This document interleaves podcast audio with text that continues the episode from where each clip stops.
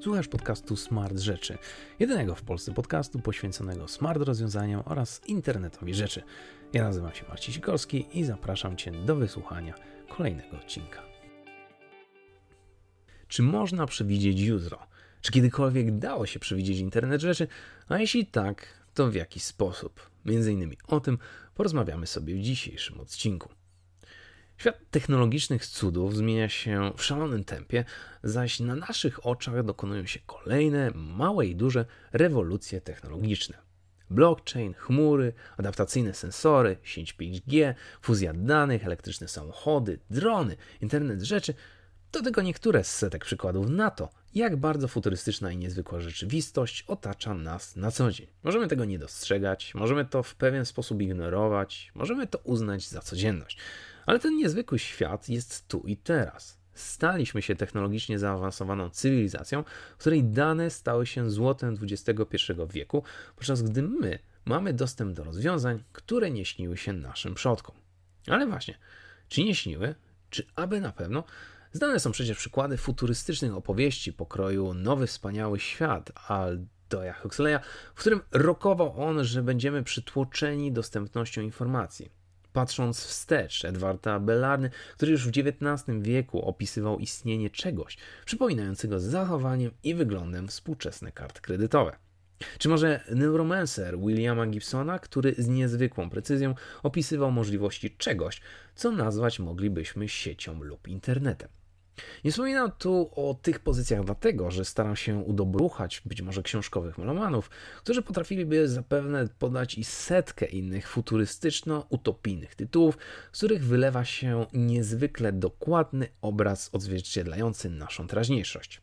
Robię to dlatego, by zapytać się, czy miałeś kiedykolwiek do czynienia z książką zwaną w kierunku roku 2018. Jest to z wielu względów niezwykły twór literacki, któremu postaramy się przyjrzeć. Napisany w 1968 roku przez kilkunastu najwybitniejszych naukowców, myślicieli, profesorów, technologów i filozofów, ten tytuł to interesujący ślad w cywilizacyjnym dorobku ludzkości. Wszystkie te osoby, zebrane w jednym miejscu i czasie, w jednym tylko celu, wspólnie zastanawiały się nad kierunkiem rozwoju ludzkości, nad tempem, którym kroczymy i naszą postawą wobec świata i nas samych. Zastanawiali się po to, by odpowiedzieć na jedno kwapiące pytanie: co przyniesie nam jutro? Z perspektywy czasu śmiało można powiedzieć, że ich wizje oraz teorie balansowały pomiędzy szalonymi wizjami dojrzałymi przewidywaniami, naiwnymi chęciami i wątpliwymi strzałami. Z jednej strony dostrzegali bowiem ogromny potencjał w gwałtownej poprawie komunikacji informatyki, wierząc, że technologia i sposób dostarczania wiedzy sprawi, że informacja będzie na wyciągnięcie ręki i połączy nas wszystkich na całym świecie w dotychczas niespotykany sposób i skalę. A mimo to nie przewidzieli oni natychmiastowości informacji, wzrostu automatyzacji i miniaturyzacji w wielu dziedzinach naszego życia. Prawidłowo przewidywali poprawę wydajności rolnictwa oraz handlu energią, a mimo to nie wyobrazili sobie, że będzie istnieć biotechnologia, ekologiczna energia oraz na przykład pojazdy elektryczne. Futurysta Herman Kahn uważał wręcz, że zabraknie nam naturalnych zasobów, a całą energię będziemy czerpać tylko i wyłącznie z reaktorów nuklearnych. Przewidywali, że lepiej zrozumiemy naturę i pogodę oraz będziemy w stanie lepiej dostosować cykle koniunkturalne gospodarki do potrzeb świata. Z drugiej jednak strony, wydawało im się, że będziemy w stanie kontrolować pogodę do własnych potrzeb, a gospodarka świata będzie tańczyć jak jej zagramy. Thomas F. Malone, szanowany meteorolog, uważał, że do 1980 roku zapanujemy na przykład nad mocą błyskawic, a E.T.L. de Solapul, światowej sławy naukowiec, stwierdził wręcz, że cytując, w przyszłości sami wybierzemy poziom zatrudnienia, bezrobocia i PKB. Zbyt dużo nadziei pokładali w Stany Zjednoczone, które jawiły im się jako raj, który rozleje się na cały świat, chroniąc go pod swoim amerykańskim parasolem. Co dwunasty obywatel Stanów będzie milionerem, ludzie wyeliminują niedostatek, a Stany będą wzorem demokratycznym dla reszty świata. Póki Stany będą numerem jeden, cały świat będzie również numerem jeden. Jednak żaden z naukowców nie przewidział dynamicznego rozwoju Chin, tempa zmian, które nastąpią w azjatyckiej transformacji ostatnich kilkunastu lat i tego, że Stany pogrążą się w swojej genderowo-kulturowej wojence, która trwa w najlepsze. No, przewidzieli też, że wzmocni się tempo i szybkość zachodzących zmian i do pewnego stopnia zaostrzą się różnice terytorialne i kulturowe wokół nas wszystkich. Jednak żaden z nich nie przewidywał wojny w Bośni, Kosowie, Afganistanie, Iraku, globalnej walki z terroryzmem, czy choćby nawet upadku Związku Radzieckiego. Takich przewidywań, trendów, e, zmian i następstw jest rzecz jasna dużo więcej i czyta się niezwykle ciekawie z perspektywy człowieka przyszłości, który spogląda na to, jak wyobrażano sobie przyszłość w latach, gdy w Ameryce wciąż panowały zamieszki po zamachu na Martina Luthera Kinga, a duch zimnej wojny unosił się nadal po ulicach miast. Można patrzeć na to z perspektywy wszechwiedzącego, najmądrzejszego bytu, który myśli sobie, Boże, Boże, jacy ci ludzie byli naiwni i dziecinni, krytykując i śmiejąc się przy tym z tego, dopóki, dopóty nie dostrzeżemy, że w tej samej książce nie zabrakło przerażająco wielu dokładnych opisów pokroju. Do 2018 roku badacz siedzący przy swojej konsoli będzie mógł zestawić opis zakupów konsumenckich z ich rejestrów sklepowych przez osoby o niskim IQ, z ich rejestrów szkolnych, które mają na przykład bezrobotnego członka rodziny, z ich rejestrów zabezpieczenia społecznego, czyniąc z tymi danymi to, co uzna za stosowne. Będzie miał do tego pełną zdolność technologiczną, ale czy będzie miał do tego moralne prawo? Potem czytamy. Elektronika może zrewolucjonizować edukację, ale raczej nie rozwiąże problemów ludzkiej słabości. Co więcej, oddanie łączności szerokopasmowej, telefonów obrazowych i natychmiastowego komputerowego wyszukiwania w ręce prywatnych organizacji jest jak przekarmienie grubego człowieka. Zbyt optymistyczne jest nasze założenie, że te same technologie pociągają za sobą możliwość rozsądnego ich wykorzystania. Stosowanie technologii, podobnie jak wszystkie ludzkie wysiłki, przynosi słodko-gorzkie owoce. Jak wpłynie to na nas samych? Kilka lat później w roku 1983 e, poproszono Izaka Asimowa, znanego futurysty i pisarza, by na podobnych zasadach określił świat w 2019 roku. Powiedział on wówczas: Komputeryzacja będzie niewątpliwie kontynuowana, a skomputeryzowany obiekt mobilny przeniknie do naszego domu, zaś rosnąca złożoność społeczeństwa uniemożliwi życie bez tej technologii. Komputery zakłócą nawyki pracy i zastąpią stare prace tymi, które są radykalnie inne.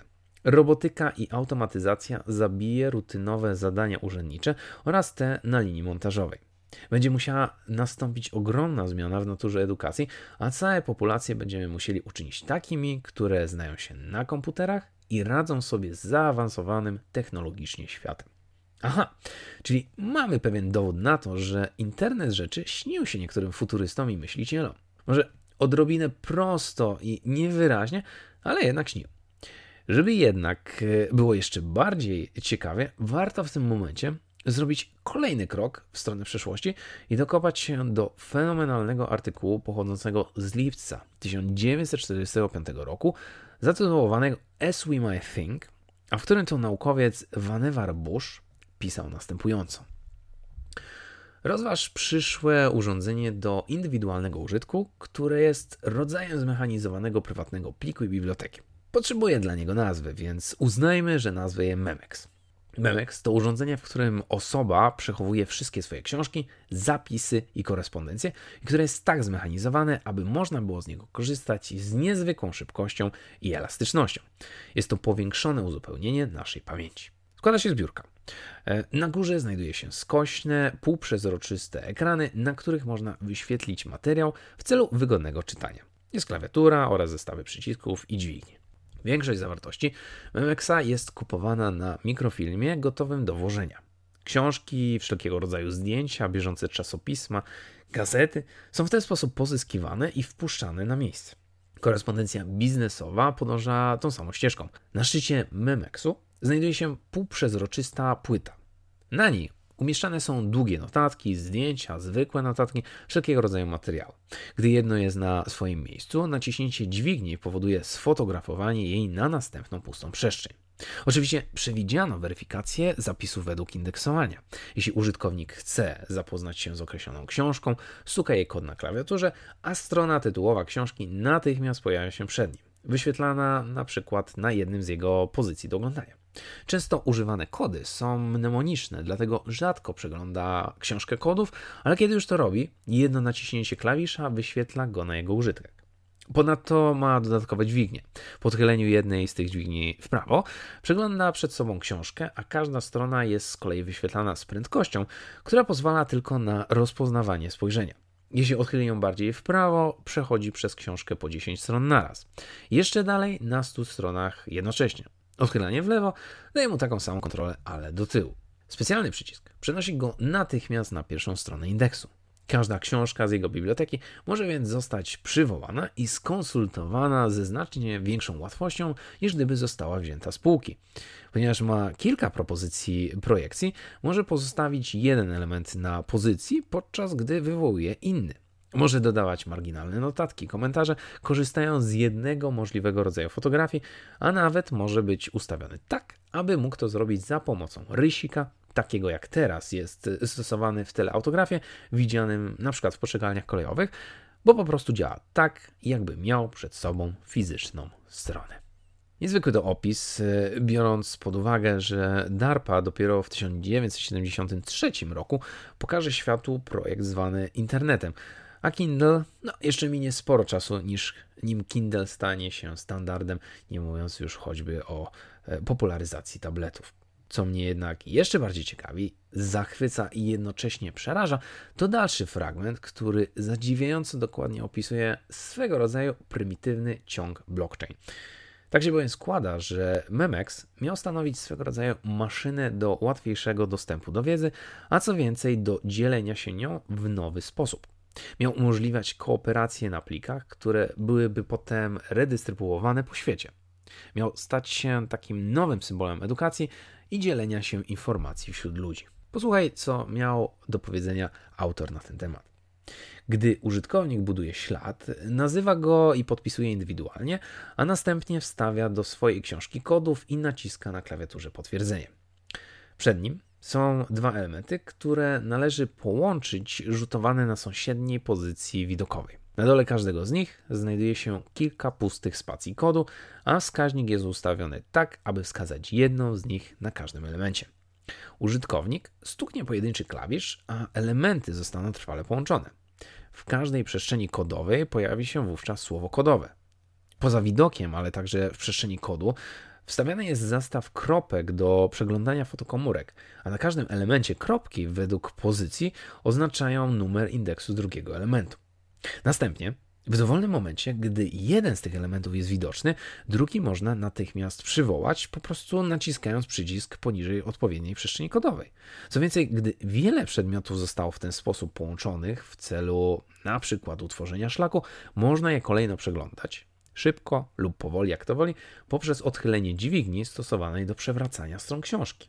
To tak jakby przedmioty fizyczne zostały zebrane z szeroko oddzielonych źródeł i połączone w jedną nową książkę. To więcej, bo każdy przedmiot można połączyć w wiele szlaków. Potem następuje fragment o współdzieleniu się tą wiedzą, tak by cały świat mógł mieć dostęp do zasobów ludzkości, wiedząc jednocześnie, komu zawdzięcza on ten konkretny fragment wiedzy. Intrygujące? A i owszem, oczywiście, jeśli ktoś chce być jeszcze bardziej zaskoczony precyzyjnością dotyczącą smart rozwiązań, zawsze może sięgnąć po tytuł The Age of Spiritual Machines When Computers Exceed Human Intelligence od Raya Kurzweila, który przewidział takie banały jak choćby ogólny dostęp do internetu, VR, biotechnologie czy nanokomputery. Jak pisał w swych książkach na temat rozwoju technologii, obwody elektroniczne są miliony razy szybsze niż nasze obwody biologiczne. Na początku cały ten wzrost prędkości będziemy musieli poświęcić na wyrównanie względnie braku równoległości w naszych komputerach, ale ostatecznie cyfrowa kora będzie znacznie szybsza niż różnorodność biologiczna i będzie nadal rosła. Co ciekawe, Opisywał on również istniejące problemy i trudności związane ze skupieniem się ludzi zagubionych w XXI wieku, ludzi otoczonych tą technologiczną nowością i tymi wszystkimi cudami. Głównym powodem, dla którego ludzie wierzą, że życie się pogarsza, jest fakt, że nasza wiedza i informacja o problemach świata stale się poprawia. Jeśli dzisiaj na planecie toczy się bitwa, doświadczamy jej prawie tak, jakbyśmy tam byli. Podczas II wojny światowej dziesiątki tysięcy ludzi mogły zginąć w bitwie, a jeśli publiczność w ogóle to zobaczyła, to jedynie w ziarnistej kronice filmowej w kinie, ale tydzień później. Podczas I wojny światowej niewielka elita mogła przeczytać w gazecie o postępach konfliktu. Zaś w XIX wieku w XIX wieku prawie nikt nie miał dostępu do wiadomości w odpowiednim czasie i w odpowiednim momencie. Święta tuż za pasem, wszyscy czujemy już zapach wigilijnych potraw, więc nie zamierzam kończyć materiału w tak posępny sposób. Wręcz przeciwnie, pragnę opowiedzieć o jeszcze jednej futurystycznej książce, która z kolei napędzała moją wyobraźnię na temat tego, co wydarzy się w przyszłości, a napędzała ją, gdy byłem jeszcze nastolatkiem. Mowa tu o mało znanej pozycji, przyszłość według Dilberta, artysty Scotta Adamsa jeden z najbardziej rozpoznawalnych rysowników komiksowych na świecie, który stworzył jedną z najbardziej rozpoznawalnych postaci komiksowych na świecie, napisał również kilkanaście książek o różnorodnej tematyce. Niemal wszystkie mają mocno humorystyczny, parodystyczny wydźwięk, z czego najmocniej da się go wyczuć właśnie w wyżej wymienionym tytule, który jak przystało na dobrą parodię nosi podtytuł Na skrzydłach głupoty w XXI wieku. Książkę tę Scott napisał w 2000 roku z założeniem pozostawienia przyszłym pokoleniom żartobliwych przepowiedni dotyczących ich przyszłości. Niemal na każdej stronie da się wyczuć jego lekki, żartobliwy ton dotyczący naszych przywar, wad i skaz i tego, że technologia wcale nie sprawi, że nagle staniemy się lepsi, a nasze życie łatwiejsze. Wręcz przeciwnie, będziemy wiecznie brnącymi po masku istotami, które uważają siebie za pępek świata i najlepszą wersję ze wszystkich żyjących kiedykolwiek pokoleń. Dwie dekady później książka ta jednak nie straciła niczego ze swego żartobliwego sznytu, a wracam do niej dlatego, że wśród 65 przepowiedni zawartych w tytule znalazło się kilka, które przerażająco mocno wpływają na moją wyobraźnię. Cytując, przyszłości powstanie wielki rynek rozwiązań umożliwiających pracownikom obijanie się przy zachowaniu pensji. W przyszłości pojemność internetu będzie się zwiększać bez końca, aby nadążyć za potężniejącym ego użytkowników. Brak wykształcenia nie będzie największym problemem przyszłości. Problemem będzie zalew głupoty, gdy coraz więcej ludzi osunie się do sfery niekompetencji. W przyszłości wszelka praca zostanie oddelegowana, aż całą robotę będzie wykonywać tylko jeden facet. Przyszłości więcej ludzi będzie pracować dla siebie, tworząc wielki rynek dziwacznych produktów. Ale w przyszłości łatwo znajdzie się także nabywców tak naiwnych, że kupią każdy produkt, najbardziej nawet bezwartościowy i bezużyteczny. W przyszłości każdy będzie reporterem. Może to ślepy traf, może efekt Forera, zwany również efektem horoskopowym, a może mieszanka geniuszy i szaleństwa. Nigdy nie wiadomo tak do końca. Wiem jednak, że z zaciekawieniem wracam do tego typu książek, które w pewien sposób starały się ocenić przyszłość, w której przyjdzie nam żyć. Usilnie kreśliły ramy nowego świata, w którym otoczeni jesteśmy niezwykłymi technologiami i doznaniami. Bez względu, czy miała to być utopijna, czy dystopijna przyszłość. Któż z nich mógł jednak przypuszczać, że nasz świat będzie najmocniej zespolony właśnie z technologią? Technologią, która zmienia się w niebywałym tempie. Dekadę temu nie istniało jeszcze takie pojęcia jak Airbnb, Spotify, Lyft, WhatsApp, Instagram, Uber, Android, Chrome nawet iPad. Dwie dekady temu nie istniały takie zawody jak kierowca Ubera, social media manager, specjalista cloud, app developer, operator drona, specjalista SEO, analityk sieci czy nawet specjalista UX. To daje do myślenia. Zamiast jednak z niepokojem patrzeć w przyszłość, w chwilach zwątpienia, przypomnij sobie jednak słowa Marka Aureliusza, który pisał: Nie niepokój się o przyszłość. Staniesz bowiem tam, gdy będzie potrzeba, uzbrojony w ten sam rozum, którego pomocy zażywasz wobec wypadków bieżących. Ja tymczasem chciałem pożyczyć Ci wszystkiego najlepszego z okazji nadchodzącej gwiazdki i zbliżającego się roku 2020, licząc przy okazji, że nie zanudziłem Cię opowieściami o smart świecie i internecie rzeczy. Oby ta technologia i to pojęcie jeszcze bardziej się popularyzowały, goszcząc w naszych domach i obyśmy byli świadkami jeszcze bardziej niezwykłych technologicznych cudów, które na pewno zdarzą się w nadchodzących latach. Mam nadzieję, że spodobał Ci się dzisiejszy temat. Jeśli masz jakiekolwiek pytania lub wątpliwości, zapraszam do kontaktu na adres kontakt. Po więcej materiałów zapraszam na stronę smartrzeczy.pl, a ja, jak zawsze, zachęcam Cię do wysłuchania kolejnego odcinka. Do usłyszenia.